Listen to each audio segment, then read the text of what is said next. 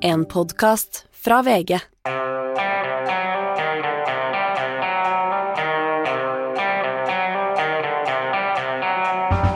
Vi har fått en ustabil, uforutsigbar og dermed også farligere russisk nabo, sa utenriksminister Anniken Huitfeldt i sin redegjørelse i dag. Og det er brutt ut borgerkrig i Senterpartiet i Bergen. De kaller hverandre Quisling og det som verre er. Dette er Evrøy-gjengen. Det er eh, tirsdag den 13. mars.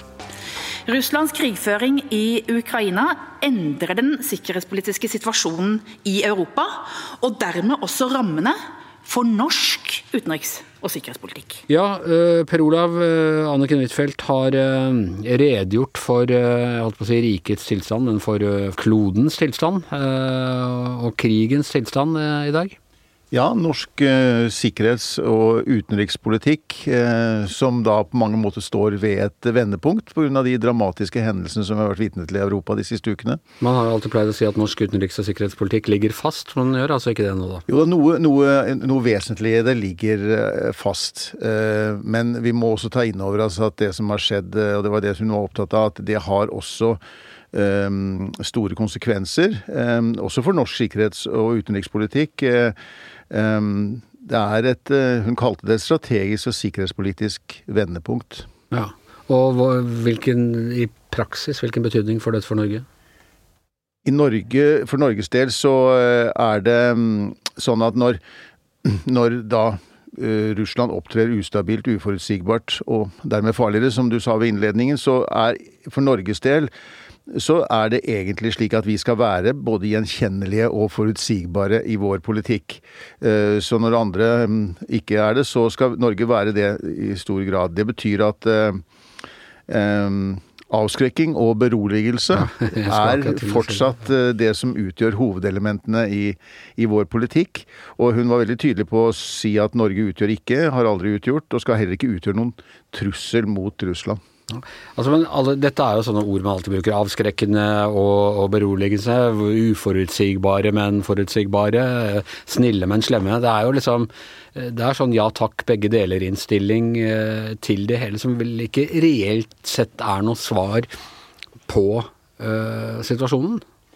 Nei, men Jeg, jeg syns hun, jeg synes hun la, ga en veldig god begrunnelse for uh, hvorfor dette er et uh, avgjørende, et slags vendepunkt. Akkurat som uh, i, um, da muren falt i 89, så var det et vendepunkt. Og det vil jo de aller fleste av oss si var et vendepunkt til det gode, hvor det ble åpnet for frihet og demokrati i Europa. Nå har vi kommet til et annet punkt, og det er liksom et før og etter 24. februar. Um, og vi, vi, må ta inn over oss at det, er, det får store konsekvenser for Norge mm, både på økonomisk område, på energiområdet og, og uh, internasjonalt samarbeid. Men hun la jo vekt på da at uh, at Putin har åpenbart undervurdert styrken i de verdiene de angriper, altså i den forstand at de har undervurdert samhold i Europa, båndene over Atlanteren. Eh, og den eh, motstandskraften som er blant ukrainske ledere og folk mot, mot den aggresjonen. Så eh, jeg syns hun ga en god begrunnelse for det, og hun snakket også ganske var veldig tydelig på at norsk base- og atompolitikk, begrensningene i Norge, de ligger på en måte fast. Men hun snakket også mye om at da vi ble medlem av Nato i 1949, så var det riktignok et overveldende flertall på Stortinget som stemte for, for, det. 130 mot 13. Men det var en veldig omstridt sak. Og de 13 var fra Norsk Kommunistparti, var det ikke? Ja, det var vel eh, NKP, vil jeg tro. Mm. Uh, men det var likevel en omstridt sak den gangen om vi skulle binde oss til en allianse. Men så har det blitt på en måte så vi har tatt det for gitt nærmest i flere generasjoner siden, og det har tjent oss godt. Og det er svært viktig også i dag. Definert vår plass i verden, som hun sa.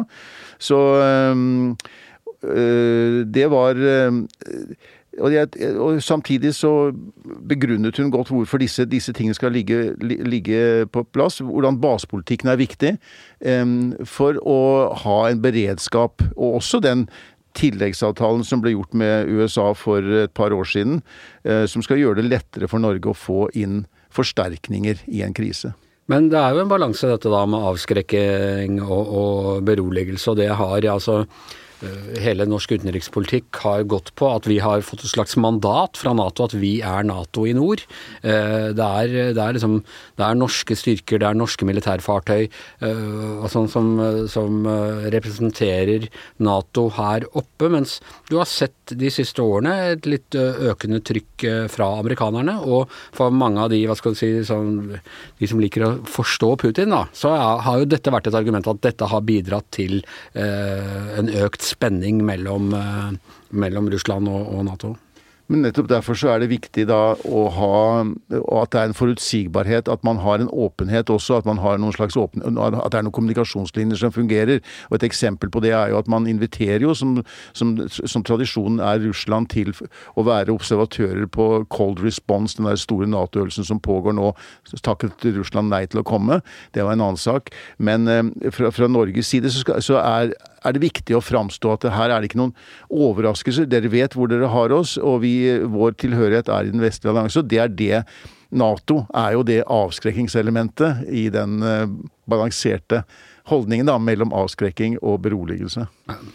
Ok, så, så, alt i alt så ligger det fast, men, men det er klart at det er, det er, lettere nå å argumentere for f.eks. øking av uh, forsvarsbudsjettet. Du ser at uh, om vi var 72 av Rødts medlemmer er uh, Nato-tilhengere. Det er på en måte overhodet ikke kontroversielt, slik situasjonen er, å, å være Nato-tilhenger og mene at vi må ha også til en viss grad eh, Nato-styrker og, og militært utstyr i landet. Nei, og så tenker jeg at den, den redegjørelsen som var i dag, er jo ikke på en måte noen eh, Det var ikke en konklusjon, det var ikke noe avsluttet arbeid, dette her. Det er mer enn starten på noe som nå skal fortsette gjennom våren, og la vekt på å samarbeide med partiene på Stortinget.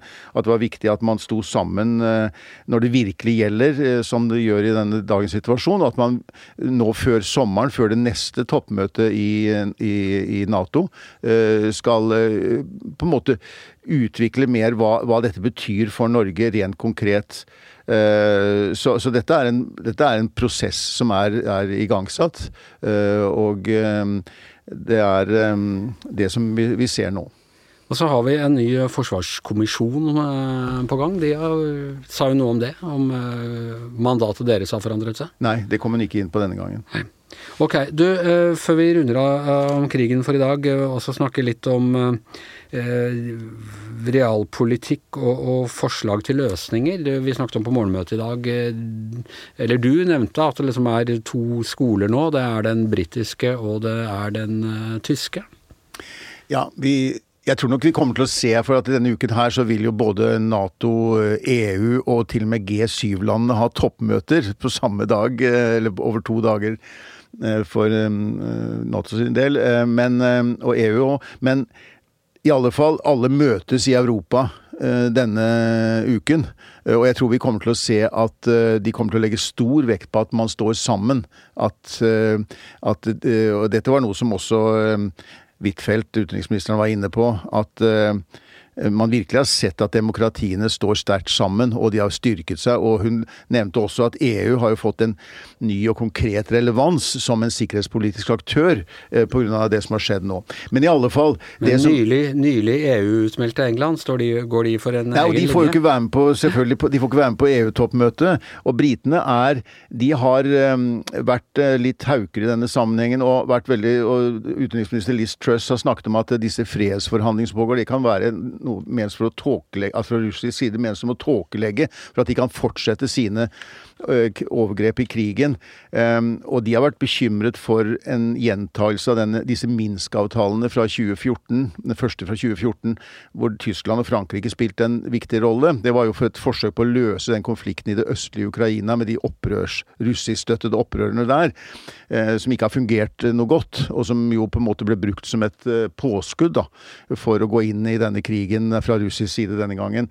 Uh, og britene er veldig opptatt av å snakke om at Um, man må forhandle ut ifra styrke, maksimal styrke på en måte. Man, ikke, man, må være tøffe for å oppnå fred. og um, eh, det er ikke liksom vår oppgave å lete etter utveier for Putin osv. Det er det som sies på britisk side, da. Sånn som det siteres i britiske medier. Det er litt sånn Churchill?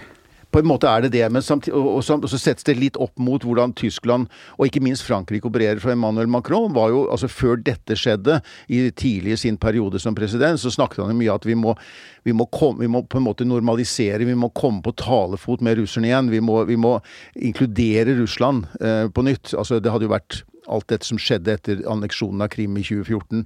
Eh, men, og, og han og det er jo ingen som har snakket oftere med eh, Putin enn Macron, eh, både før eh, og nå under krigen. Uten at det har hjulpet stort? Det har ikke hjulpet, men uh, annet enn at han kanskje har fått større uh, I hvert fall franskmennene ser ut til å, å, å, like at han driver fransk diplomati.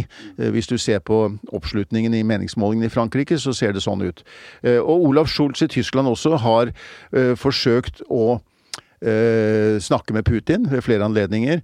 Um, og de driver sitt diplomati. Uh, og det er fra britisk side liksom en Dette sies ikke alltid rett ut, men de er redd for at de skal på en måte finne litt lettere utvei for Putin ut fra den situasjonen, eller det hjørnet han har malt seg inn i, da. Og hjelpe han ut av det på en måte for tidlig, og med for store innrømmelser. Det er det som du hører. Det er ikke så sånn hvis England er Churchill, så er de litt mer Chamberlain? Jeg tror ikke de vil like den sammenligningen, Anders. Eh, og jeg tror det det det, er, jeg tror ikke det, er det, det handler om heller. Men jeg tror det er litt Dette, er sånne eh, eh, mindre eh, bølger i denne andedammen, tror jeg. Er, ikke, det er ikke noe sånn som virkelig kommer til å vise seg så sterkt utad ennå. Men jeg tror jo at det å holde hele den vestlige allianse sammen, det blir mer og mer krevende. Det blir også krevende fordi at en del av de landene vi snakker om her, Tyskland f.eks., er så avhengig av å få russisk olje at, at bare liksom å stenge en fra en dag til neste, det er ikke Det går ikke, sier de.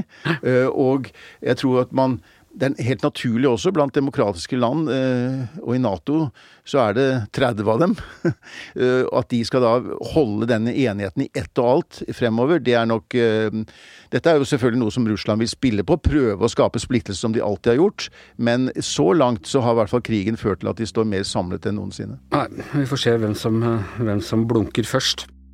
Vi skal bort fra krigen, men vi skal holde oss til krigsretorikken, Tone Sofie. Senterpartister som kaller hverandre Quisling, trusler om ekskludering og nedleggelse av lokallag, påstander om sensur og debattnekt, nye kuppforsøk i Høyre.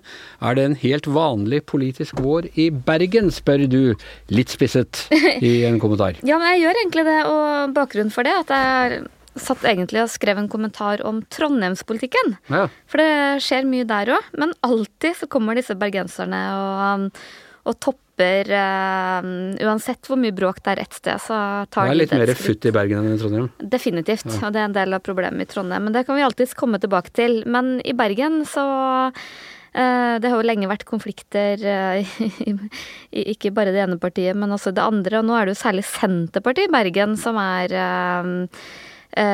de virkelige bråkmakerne. Det eksploderte i et medlemsmøte i går kveld, hvor man gikk til og med så langt at uh, man sa at noen ble kalt for Quisling. Hvem det, kalte hvem for Quisling?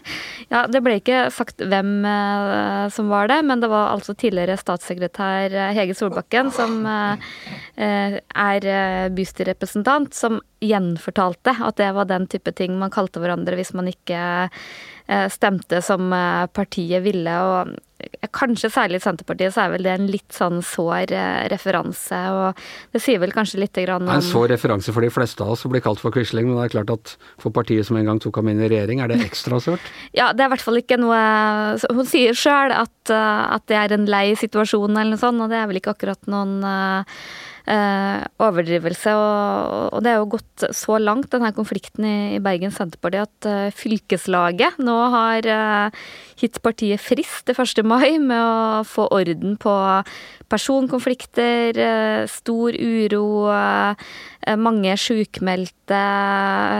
Eh, og så bittert er det altså at, at de har kommet med sånne ulike krav om å ekskludere hverandre. Hva ligger til grunn for dette? altså kalle, Bruke ordet Quisling i norsk politikk, det er jo, det er jo helt uhørt. Og, og, det sitter et stykke inn. Ja, og, det sier litt om at du er ganske irritert. Hva slags vonde ting i Bergen er det som kan utløse noe sånt?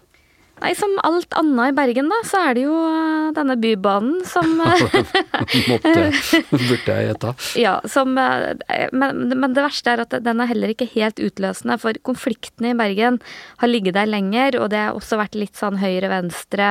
Eh, det har vært noen krefter der som har mobilisert veldig, som ønska en mer sånn høyredreining. Den lå der fra før. Altså i Senterpartiet i Bergen? I Senterpartiet i Bergen, ja. Men det eksploderte da to personer brøyt ut av uh, gruppa og stemte med byrådet for å legge den her uh, bybanen over Bryggen. Det er jo omtrent uh, alt i Bergen handler jo om denne bybanen og Bryggen.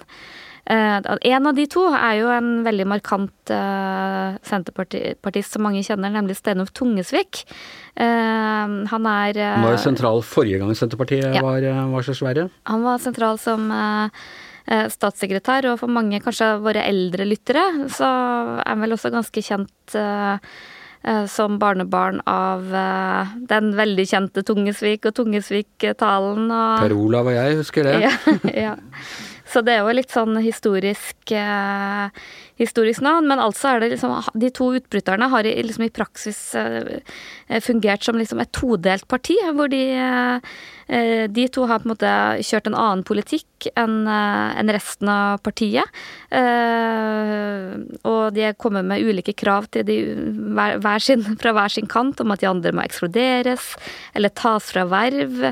Veldig sterke påstander om eh, sjikane om eh, sensur og debattnekt. Nå er jeg som utenforstående og ikke veldig nær på de debattene, så eh, har du jo sett at det her har pågått over en viss tid, men at det nå har eh, tatt av fullstendig. Og så er det også litt sånn bakteppe er jo det at lokallaget der har vokst ganske mye i de siste årene. Fått ganske mange nye medlemmer, deriblant en del avhoppere fra Frp.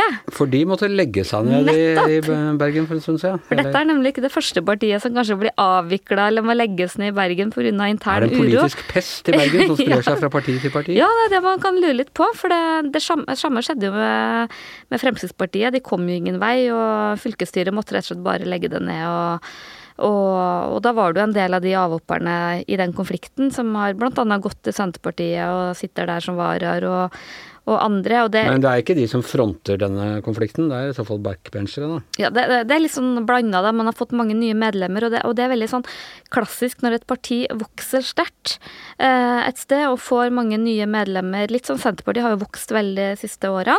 Eh, rekruttert eh, liksom nye enn Det klassiske grunnfjellet. Så blir det veldig ofte denne type konflikter, for det eh, Man har så ulike forventninger. I MDG har det jo vært ganske mye sånt, for de har jo vært litt sånn fluepapir fra alt fra høyrefolk til folk langt ut på venstresida, som liksom skal sette sitt farge på partiet. Så det, det er litt sånn klassisk. Og så er det jo selvfølgelig en god dose personkonflikter. men nå sier jo de jeg snakker med som kjenner bergenspolitikken ut og inn, at det nesten er umulig å skjønne hva som egentlig er hva. Og det er det vi ofte ser Hva som er hva av Ja, hva er liksom konflikten? Hva, hva er, er person? Konflikt, og... hva, er, ja, hva er motivene? Og sier at det, det kommer til et, et punkt hvor det blir så betent at det nesten er liksom helt umulig å forstå eh, hva det egentlig dreier seg om. Og det er jo egentlig litt sånn som jeg har opplevd med en del andre politiske konflikter. Så ille har det ikke vært i Oslo Høyre, men det har ikke vært lett å skjønne hva, det egentlig, hva de egentlig krangler om, eh, og hva de er uenige om. Og det har vært noen konflikter i, i Oslo-politikken og både i Arbeiderpartiet og i, i eh, Fremskrittspartiet her og, og, i det hele tatt også. Så det er jo noe med de store partiene i de store byene. Av og til får en eller annen sånn uh, indre rivning? Absolutt, men også små plasser. F.eks. Finnmark SV har jo også vært veldig bittert. Og det også var en sånn type konflikt som var nesten umulig for en utenforstående å klare å skjønne. Og lokalpolitikken blir jo ofte også veldig veldig personlig og veldig opprivende. Så blir jo liksom det her liksom ekstra mm, spissa av at eh, Senterpartiet er et parti som i realiteten kan ha vippemakt i bergenspolitikken. Du har et svakt Arbeiderparti-byråd som vel trenger støtte av til sammen seks partier for å få gjennomslag for sin politikk. Og nå er det jommen meg eh, mistanke om kuppforsøk igjen i Høyre, så det, det liksom forsterker bildet. I Høyre i Bergen? Ja, og ja. Høyre i Bergen har jo lenge prøvd å få tilbake makta. De mista den for åtte år siden, og det er eh, veldig tungt for Høyre i Bergen å ikke styre byen. Og man har jo lenge trodd at, eh, at han som er gruppeleder og var partiets førstekandidat sist, Harald Viktor Hove, skal få fortsette. Men nå eh, har det i hvert fall kommet flere lokallag som er innstilt på å vrake han, da. Så det er vel egentlig bare starten på det som kan bli ganske opprivende for Bergen Høyre. For der heller er det ikke sånn at det er masse sånn helt sånn åpenbare kandidater til å overta. og mm, ja, Nå er det jo mye som handler om krig, selvfølgelig, og vil gjøre det, men jeg tror det neste året vil vi nok se i de store byene og mange kommuner mye sånn posisjonering fram mot neste års valg. Det er altså Norges, kanskje en av verdens vakreste byer, med den aller mest opphetede politikken, dog ikke i, i verdens målestokk. Og med det så er eh, Giæver og gjengen over for i dag. Tusen takk til Per Olav Ødegaard, tusen takk til Tone Sofie Aglen. Jeg heter Anders Giæver, og mannen som produserer denne podkasten så den lyder som en nystemt sitar, er som vanlig Magna Antonsen.